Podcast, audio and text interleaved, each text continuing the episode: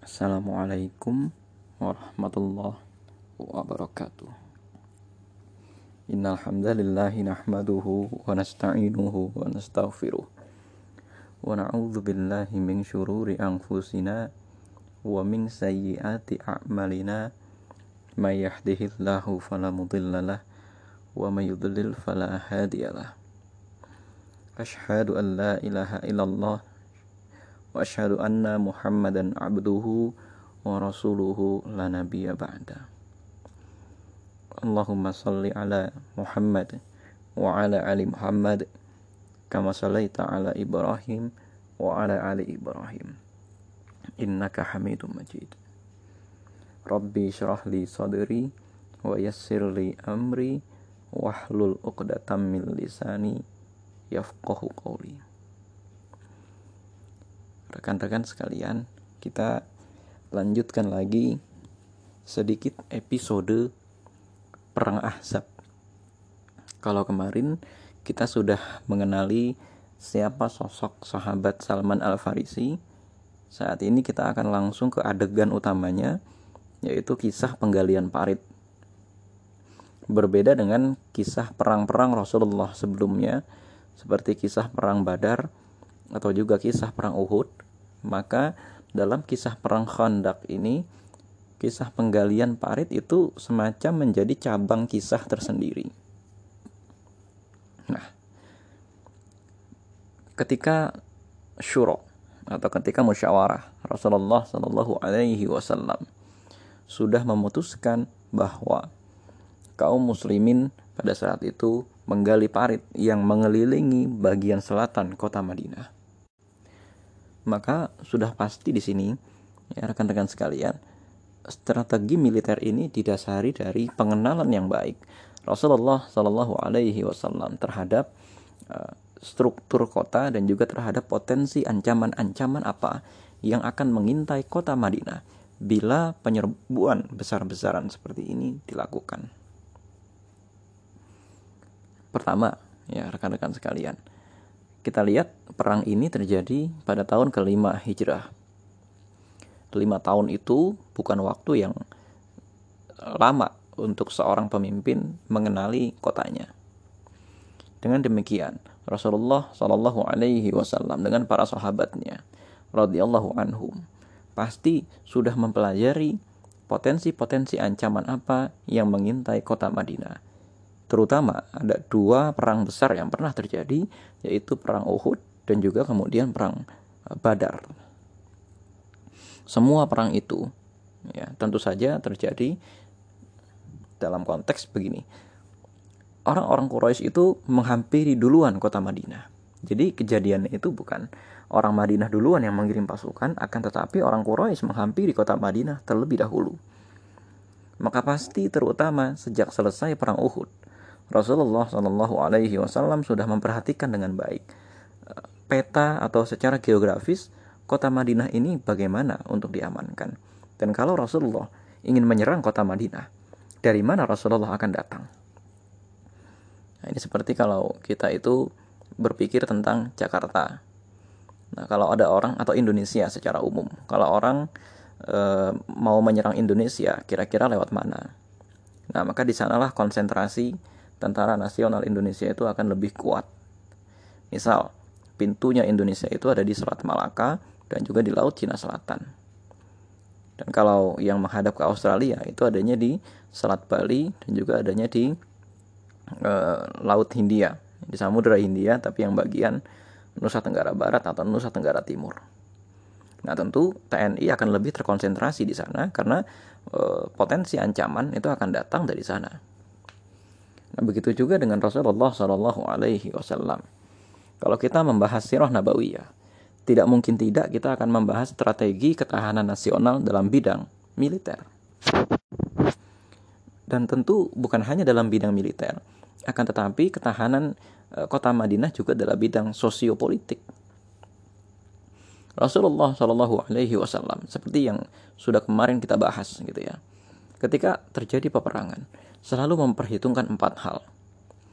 Hal pertama, bagaimana meminimalisir korban jiwa akibat munculnya atau akibat terjadinya bentrokan langsung bersenjata di lapangan. Yang kedua, bagaimana meminimalisir kerugian akibat terjadinya mungkin embargo ekonomi atau terputusnya jalur-jalur ekonomi. Yang ketiga, bagaimana cara meminimalisir kerugian akibat lobby-lobby politik yang ada. Dan yang kelima, yang keempat, tentu saja bagaimana cara menghemat biaya secara umum yang muncul akibat perang. Nah, eh, metode pembangunan kota Madinah yang dilakukan oleh Rasulullah Shallallahu Alaihi Wasallam sebetulnya merupakan metode yang sungguh-sungguh luar biasa. Karena apa?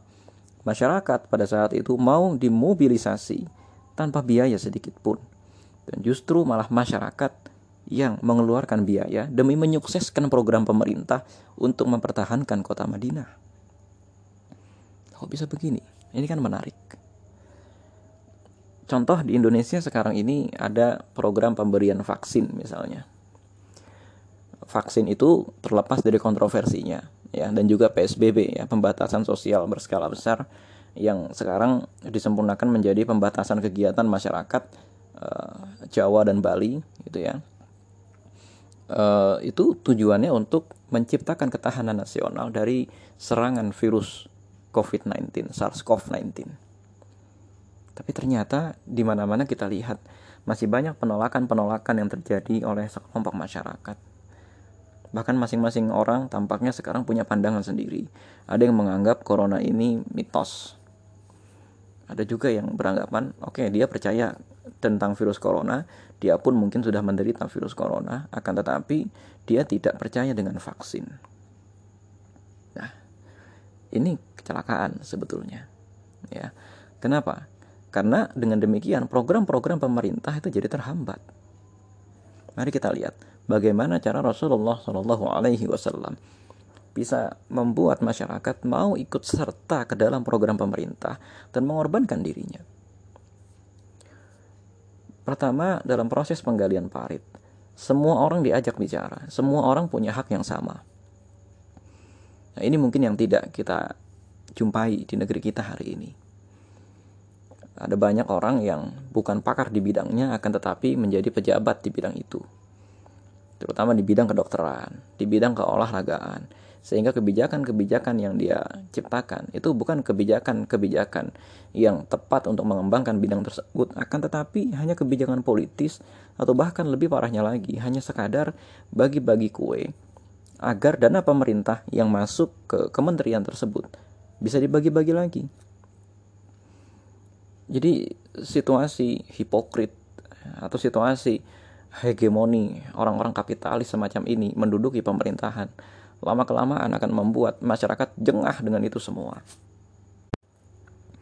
Karena yang terlihat, pemerintah tidak mengajak orang yang kompeten untuk bermusyawarah, akan tetapi terlihat punya keinginan sendiri dan kemudian malah melibatkan orang-orang yang bukan ahli di bidangnya untuk duduk di jabatan tersebut. Ketika Rasulullah Shallallahu Alaihi Wasallam bermusyawarah dan ini ditunjukkan dengan pertama perang Badar itu musyawarah juga, perang Uhud musyawarah juga. Kemudian sekarang perang Ahzab itu pasti semua buku sirah mengawali semua perang dengan musyawarah. Hanya ada satu perang yang Rasulullah Shallallahu Alaihi Wasallam ditunjukkan tidak bermusyawarah dengan uh, detail, yaitu perang Fatu Mekah untuk menghindari terjadinya kebocoran. Tapi ya rekan-rekan sekalian, dalam situasi perang Ahzab, ketika negara butuh penanganan yang cepat, karena ketika ketahuan kaum Quraisy sudah dalam perjalanan, ketika kaum Quraisy sudah dalam perjalanan, hanya tinggal menghitung hari saja. Kalau Rasulullah Shallallahu Alaihi Wasallam terlambat bereaksi, maka kehancuran akan menimpa mereka. Kehancuran dan kebinasaan akan menimpa kota Madinah. Meskipun kejayaan Islam itu sudah dijamin oleh Allah Subhanahu wa taala. Akan tetapi, para sahabat bukan mengejar kejayaan Islamnya, tapi mereka juga ingin mendapatkan prestasi. Sayalah yang harus menjadi penjaya Islam itu. Di tangan sayalah Allah Subhanahu wa taala harus mengembangkan Islam ini. Tanpa penduduk Madinah berusaha, Islam akan jaya. Saya yakin itu. Akan tetapi, Allah Subhanahu wa taala berhasil mendidik mereka untuk selalu menjadi orang yang mengejar prestasi itu. Kita kembali kepada konteks awal. Rasulullah Shallallahu Alaihi Wasallam melibatkan orang-orang ini, kemudian bermusyawarah dan ditentukanlah titik-titik pokok pertahanan. Apa yang dilakukan? Pertama, ditentukan bahwa kita akan menggali parit. Yang kedua, parit itu akan ada di sisi selatan, itu adalah daerah yang terbuka. Ya, daerah yang terbuka itu maksudnya dari sini nih, probabilitas mereka akan datang. Karena ini pintu masuknya kota Madinah yang relatif tidak berbatu-batu, tidak berbukit-bukit. Dan itu cukup lapang, cukup luas. Yang ketiga, diputuskan bahwa kaum wanita, ya, kaum anak-anak dan juga e, para budak serta orang-orang tua diungsikan ke benteng-benteng yang ada di kota Madinah. Saat itu masing-masing suku di kota Madinah itu punya benteng. Mengapa? Karena tampaknya ya mereka sudah mengenal budaya peperangan seperti itu. Dan budaya berbenteng-benteng seperti ini karena memang sebelum kedatangan Rasulullah Shallallahu Alaihi Wasallam perang selalu terjadi. Kita lihat setelah nanti Rasulullah Shallallahu Alaihi Wasallam berhasil mengembangkan dakwahnya untuk waktu yang sekian lama, tidak ada perang yang cukup signifikan terjadi di sekitar Arab. Perang yang terakhir terjadi di sekitar Arab itu paling yaitu hanya perang Riddah. Itu pun insiden itu ya rekan-rekan sekalian itu diakhiri dengan kedamaian yang terjadi sepanjang beberapa belas tahun. Karena saat itu bangsa Arab terfokus untuk membebaskan daerah-daerah di sekitarnya kepada Islam. Nah, kemudian ya rekan-rekan sekalian, setelah ditetapkan bahwa kaum perempuan dan anak-anak serta orang-orang tua ditempatkan ke dalam benteng, dibagilah e, beberapa resimen-resimen atau dibagilah beberapa regu. Regu-regu ini bertugas untuk masing-masing posnya. Ada regu yang bertugas patroli di dalam ada regu yang bertugas untuk menggali parit, ada regu yang bertugas untuk menjaga logistik dan lain sebagainya. Serta tak lupa Rasulullah Shallallahu Alaihi Wasallam mengangkat regu medis. Regu medisnya siapa di sini? Ada namanya Rafidah al Aslami, Rafidah ya al Aslami. Ini adalah seorang akhwat. Jadi para ibu, para perempuan yang pada saat itu memiliki kemampuan medis itu ditugaskan untuk menjaga tenda tenda medis. Tenda medisnya di mana? Diletakkan di Masjid Nabawi. Jadi rapi sekali. Jadi ketika Rasulullah menghadapi perang itu, persiapannya bukan perang terbuka begitu saja, akan tetapi rapi. Dan tentu Rasulullah Shallallahu Alaihi Wasallam di sini juga memikirkan eh, masalah logistik. Dan ternyata clear, logistik nggak cukup. Pernyataan yang ada dalam buku-buku sirah yang muktabar, yang klasik, Ibnu Hisham misalnya, dalam sebuah riwayat mengetengahkan bahwa saat itu mereka hanya memakan tepung terigu yang dicampur dengan minyak yang sudah busuk. Maksudnya apa? Minyak yang sudah busuk. Berarti ini minyak umurnya sudah sekian bulan. Ini minyak udah dari musim sebelumnya.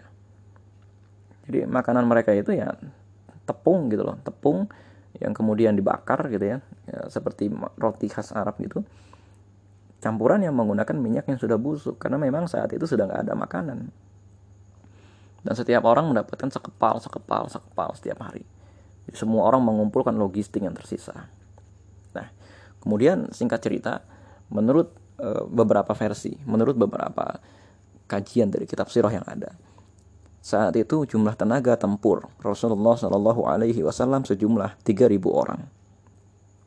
Dan jumlah 3.000 orang ini termasuk beberapa ratus orang munafik tapi tidak termasuk dengan orang-orang Yahudi. Ini hanya orang-orang Muslim yang usianya di atas 15 tahun sampai yang usianya itu maksimal itu 70 tahun. Orang-orang tua seperti uh, Hasan bin Sabit dan lain sebagainya tidak diizinkan lagi untuk ikut perang karena keusuran yang menimpa dirinya. Jadi perang Ahzab kali ini itu mereka jauh lebih siap daripada perang sebelumnya. Tapi pada dasarnya tetap saja peralatan mereka seadanya. Kemudian dimulailah mereka menggali parit itu. Barulah kemudian dalam kisah utama penggalian parit ini terjadi banyak sekali kisah-kisah yang heroik. Mereka ada dalam keadaan kelaparan. Suatu hari Rasulullah Shallallahu Alaihi Wasallam menerima pengaduan dari para sahabatnya. Wahai Rasulullah kami lapar. Tapi ternyata mereka melihat Rasulullah Shallallahu Alaihi Wasallam sendiri ketika Rasulullah itu membuka bajunya, kelihat bahwa Rasulullah itu mengikatkan perutnya itu dengan batu-batu. Biar apa? Biar terganjal itu perutnya. Karena ternyata Rasulullah Shallallahu Alaihi Wasallam sendiri juga lapar. dalam kondisi lapar itu Rasulullah itu harus menggali parit. Dan bahkan menurut beberapa riwayat, Rasulullah sendirilah yang pertama menggali parit. Di sini ya rekan-rekan sekalian, tampaknya ini yang sekarang kurang dari kita banyak kebijakan pemerintahan yang tidak menampakkan partisipasi langsung atau yang tidak menampakkan partisipasi efektif dari elemen pemerintahan itu sendiri. Seakan-akan rakyat disuruh kerjakan saja tapi pemerintah tidak mencontohkan. Akan tetapi memang sudah terlambat kalau sekarang kita saling menyalahkan. Yang jelas, kalau kita meniru Rasulullah Shallallahu Alaihi Wasallam, sebagai pemimpin, memang kita harus lakukan duluan. Biar orang-orang mendapatkan contoh dan bahkan kita harus melakukan sesuatu yang lebih besar lagi, sesuatu yang lebih hebat daripada yang orang-orang kebanyakan lakukan. Karena itulah memang menjadi pemimpin memang seperti itu. Kita kembalikan makna pemimpin kepada makna aslinya. Pemimpin memang seseorang yang dijadikan contoh. Contoh. Jangan lagi seorang pemimpin itu hanya mencukupkan dirinya dengan kemampuannya saja. Karena nanti di akhirat dia akan dimintai pertanggungjawaban. Selanjutnya terus mereka itu terus menggali satu satu ketika ada sahabat Rasulullah Shallallahu Alaihi Wasallam namanya Jabir bin Abdullah merasa kasihan. Dia pulang ke rumah dan ternyata dia tanya dengan istrinya, ada makanan apa yang tersedia di kita hari ini? Hanya roti dan kambing, anak kambing roti dan kambing muda. Oke, masak semuanya. Kita akan makan bersama dengan Rasulullah Shallallahu Alaihi Wasallam. Nah, siapa sih sahabat Jabir bin Abdullah ini? Sahabat Jabir bin Abdullah ini adalah sahabat yang ikut uh, hampir semua perang dengan Rasulullah Shallallahu Alaihi Wasallam dan beliau ini juga termasuk peserta Bayatul Aqabah. Dan beliau ini juga termasuk salah satu sahabat yang paling miskin. Ini ada satu cerita sebelum perang Ahzab ini ada perang Banu Mustalik. Nah, e, setelah perang Banu Mustalik itu nanti ada lagi e, sebuah perang gitu ya yang di di perang itu Jabir bin Abdullah ditanyai oleh Rasulullah Shallallahu Alaihi Wasallam. Apa kata Jabir? Apa kata Rasulullah? Wah nanti enak ya. Pulang dari perang ini kamu eh, disajikan apa diberikan bantal dan lain-lainnya oleh istrimu. Jabir menjawab di rumah gak ada bantal ya Rasul. Nah dari sini Rasulullah Shallallahu Alaihi Wasallam tahu. Ini Jabir bukan lagi bercanda tapi Jabir memang mengatakan yang sebenarnya. Apa itu? Memang karena di rumahnya tidak ada bantal karena saking miskinnya Jabir ini. Dan orang tahu itu. Orang tahu bahwa Jabir itu bukan keluarga yang sedemikian berkecukupan. Ketika Jabir menghadiahkan makanan yang barangkali itu adalah roti terakhir yang dia punya, barangkali itu adalah kambing satu-satunya yang dia punya, kita nggak pernah tahu. Dan kemudian ketika Jabir memberitahukan itu kepada Rasulullah Wasallam, Rasulullah mengatakan, Oke, okay, terima kasih. Kamu pulang dan katakan kepada istrimu jangan buka periuknya, ya jangan matiin apinya dan jangan buka periuknya sebelum aku datang. Tutupnya jangan dibuka. Oke, nah kemudian ya rekan-rekan sekalian, ternyata Rasulullah Shallallahu Alaihi Wasallam mengajak semua orang, ribuan orang ya yang ada di medan perang Ahzab itu untuk makan bersama-sama di rumah Jabir. Jadi yang disajikan ini cuma beberapa potong roti, hanya untuk Rasulullah dan hanya beberapa ya satu dandang lah ya. Karena kan isinya cuma kambing aja. Berarti kan satu dandang. Ternyata yang makan semua orang itu hampir seribu orang. Dalam sebuah hadis ya dijelaskan bahwa ini yang datang seribu orang. Jabir kaget wah ya Rasul ini makanannya nggak cukup. Udah nggak apa-apa. Akhirnya periuk itu dibuka dan semua orang ngambil lah dari periuk itu makan sampai kenyang. Eh ternyata terjadilah mukjizat Rasulullah Shallallahu Alaihi Wasallam. Apa mujizatnya makanan yang ada di periuknya Jabir ternyata nggak habis-habis. Ini termasuk pertolongan Allah Subhanahu wa taala dengan perantaraan salah seorang sahabat. Ya, mukjizatnya Rasulullah berupa makanan yang sedikit itu menjadi banyak. Dan ini adalah salah satu mukjizat yang uh, sangat terkenal sekali dari Rasulullah Shallallahu Alaihi Wasallam. Fungsi mukjizat ini yang pertama memberikan keyakinan kepada kaum muslimin pada saat itu bahwa yang mereka bela ini memang seorang nabi. Dan ini bukan sihir, mereka sudah sadar ini berbeda dengan sihir. Karena Rasulullah Shallallahu Alaihi Wasallam tidak memantrai apa pun.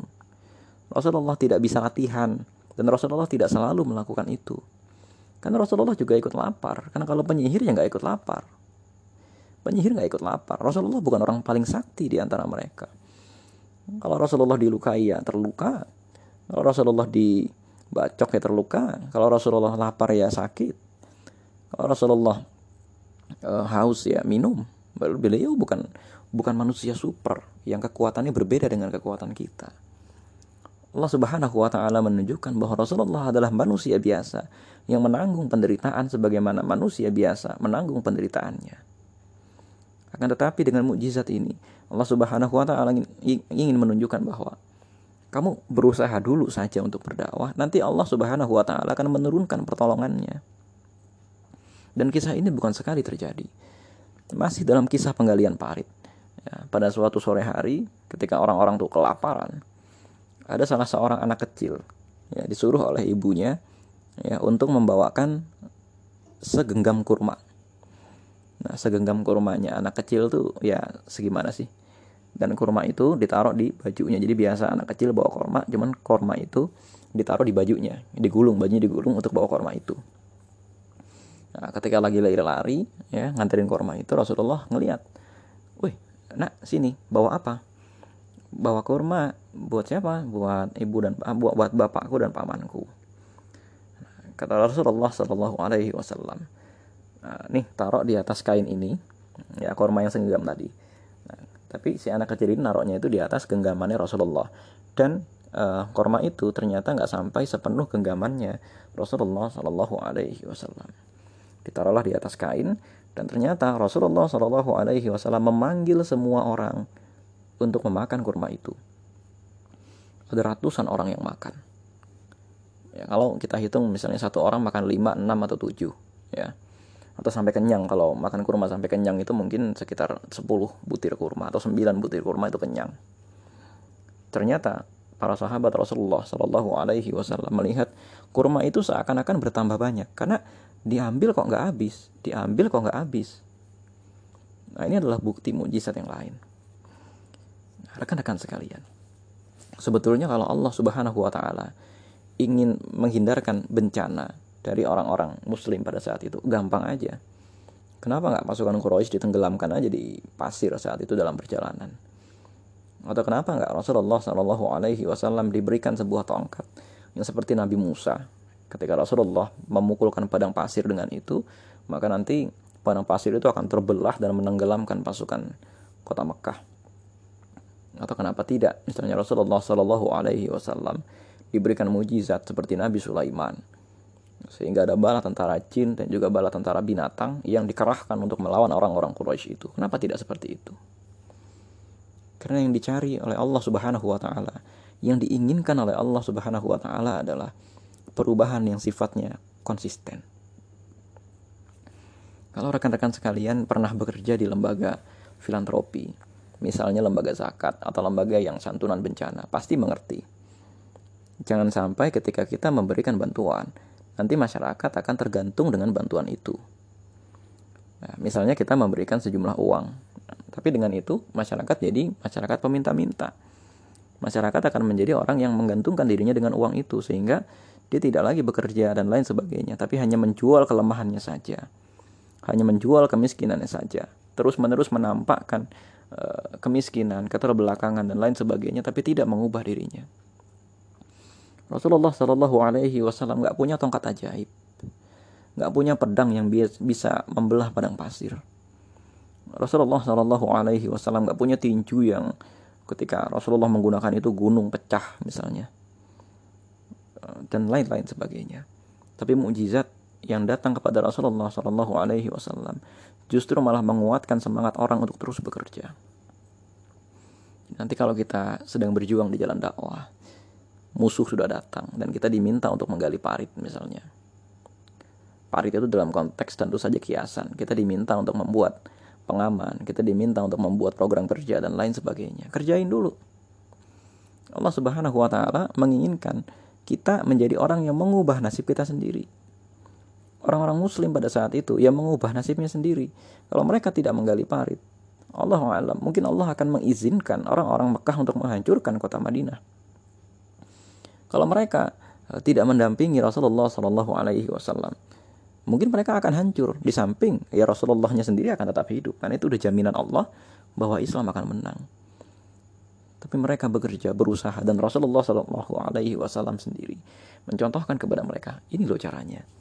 Saya ikut bekerja dengan kalian, maka kalian ayo kerja dengan saya, kita ubah nasib kita. Cara dakwah yang terbaik itu bukan kita memberikan segala fasilitas kepada mad'u kita. Dibikin nyaman. Ya. Ada, misalnya zaman sekarang ini kan dalam tanda kutip yang mirip dengan mukjizat. Bikin dakwah udah enak. Ada dana ya dari alumni ya. Ada dana dari siapa gitu kan. Terus pembicara juga sudah gampang tinggal sebut nama assalamualaikum ustadz saya kenal ustadz dari mas ini atau saya kenal ustadz dari bapak ini udah enak datang langsung dan lain sebagainya. Kita hanya melakukan usaha yang sedikit sekali. Kalau di zaman dahulu itu orang untuk mengundang seorang ustadz itu main dulu ke rumahnya. Assalamualaikum ustadz. Anda ingin mengundang antum untuk keperluan apa? Ya gini ustadz. Dan lain-lain sebagainya. Nah untuk keperluan itu ya untuk daurah semacam itu kadang-kadang kita mintanya keajaiban. Ya, keajaibannya bagaimana? Intinya kita mau berusaha seminimal mungkin akan tetapi hasilnya sebesar mungkin. Lihat para sahabat Rasulullah Shallallahu Alaihi Wasallam. Bahkan menurut kesaksian orang pada saat itu Rasulullah itu menggali sampai dada dan perutnya itu berlumuran pasir. Artinya ya betul-betul menggali gitu. Beliau turun ke lapangan. Benar-benar berusaha keras. Padahal beliau adalah seorang nabi. Bukan ustadz. Bukan syekh bukan ketua yang kalau sekarang datang-datang orang berdiri, weh, assalamualaikum, wah, enggak. Bahkan Rasulullah Shallallahu Alaihi Wasallam nggak suka kalau beliau datang ke sebuah pertemuan, lalu orang-orang berdiri untuk menyambut Rasulullah Shallallahu Alaihi Wasallam. Jadi, ya rekan-rekan sekalian, kita kembali kepada masalah ini. Yang menarik dari kisah perang Khandaq atau perang Ahzab. Rasulullah Shallallahu Alaihi Wasallam ketika berdakwah kepada penduduk Madinah ingin membuat satu kondisi agar mereka mengubah nasibnya sendiri. Itulah Islam yang benar. Dakwah yang benar adalah dakwah yang menyebabkan masyarakat punya tenaga untuk mengubah nasibnya, punya tenaga untuk mempertahankan dirinya, punya tenaga untuk mengentaskan kemiskinan, punya tenaga untuk berwirausaha, punya tenaga untuk uh, menciptakan solidaritas sosial dan lain-lain sebagainya. Tidak menggunakan mujizat-mujizat yang seakan-akan kita diem aja kita akan menang. Kalau Rasulullah Shallallahu Alaihi Wasallam mau atau kalau Allah Subhanahu Wa Taala mau, bisa saja mana wasalwa akan kembali diturunkan berupa apa itu? Ada makanan manis yang langsung jatuh dari langit seperti hujan. Atau seekor burung jinak yang bisa didekati manusia. Karena burung jinak ini adalah salwa. Dan burung itu bisa langsung dimakan. Atau kalau Rasulullah Shallallahu Alaihi Wasallam mau misalnya, bisa jadi saat itu Rasulullah akan minta lagi bala tentara malaikat melindungi mereka sebagaimana yang pernah turun dalam kisah perang Uhud. Ada seribu tentara malaikat yang diutus oleh Allah Subhanahu wa taala dan bahkan langsung melakukan pembunuhan. Ada banyak orang-orang musyrik yang dibunuh oleh para malaikat yang ciri-cirinya jenazah mereka berubah menjadi hijau dan tubuh mereka ditusuk oleh semacam duri yang itu bukan senjatanya orang-orang muslim. Tapi Rasulullah Shallallahu Alaihi Wasallam tidak menginginkan itu. Dalam kisah perang Ahzab ini kita mengetahui kalau ada satu kesulitan dakwah ya sebagai pemimpin kita harus memastikan bahwa anak buah kita mau ikut bekerja dengan kita. Tapi caranya bagaimana? Kita dulu sendiri yang mengerjakan itu. Kita dulu yang paling awal. Kita ajak dulu musyawarah semuanya, udah sepakat kita yang ngerjain yang paling awal. Nanti di sepanjang pengerjaan itu atau di sepanjang uh, penyelesaian masalah itu ada orang-orang yang udah ikut musyawarah tapi menyingkir. Siapa mereka? Kalau dalam kisah perang Ahzab, orang-orang munafik. Mereka punya alasan. Alasannya apa? Duh ya Rasul, rumah-rumah kita nggak kuat ini. Maksudnya apa? Duh rumah kita nih udah lama, udah lama nggak dijagain ini. Udah seharian kita ninggalin rumah, masa ya kita nggak pulang? Intinya mereka males sebenarnya. Mereka males. Ya Rasul, ini kita uh, istri dan anak di rumah belum kita cek nih keadaannya nih ya kita pulang dulu ya pulang tapi mereka pulangnya rombong-rombongan eh dia pulang tuh ikut ikut ikut ikut ikut tuh ngapain sih kita gali-gali begini dan lain-lain sebagainya inilah orang-orang munafik. Nggak apa-apa. Nggak apa-apa. Nggak usah dikutuk nggak usah dicela. Karena Rasulullah Shallallahu Alaihi Wasallam tidak mengutuk mereka tidak juga mencela mereka. Rasulullah Shallallahu Alaihi Wasallam justru malah memperhatikan di sinilah saatnya kita melihat siapa yang betul-betul dipilih oleh Allah Subhanahu wa taala untuk berdakwah bersama beliau. Siapa yang levelnya itu belum dai, tapi levelnya itu masih mad'u. Levelnya itu masih orang-orang yang diajak, levelnya itu masih orang-orang yang didakwahi. Meskipun namanya sudah namanya sudah lembaga dakwah. Tapi di dalam lembaga dakwah ada orang-orang yang pindah levelnya itu lama Meskipun dia sudah senior, tapi level dia itu masih orang yang didakwahi. Dan kita harus sabar. Sabar saja. Insya Allah, kalau kita sudah berusaha, nanti pertolongan Allah akan datang. Datangnya berupa apa pun itu. Berupa apa pun itu. Berupa kita tidak menerima kerugian sama sekali. Itu juga sudah sebuah pertolongan. Tidak ada korban jiwa. Itu juga sudah sebuah pertolongan. Utuhnya persaudaraan sesama kita. Itu juga sudah sebuah pertolongan bersabar saja. Allah alam bisawab. Assalamualaikum warahmatullahi wabarakatuh.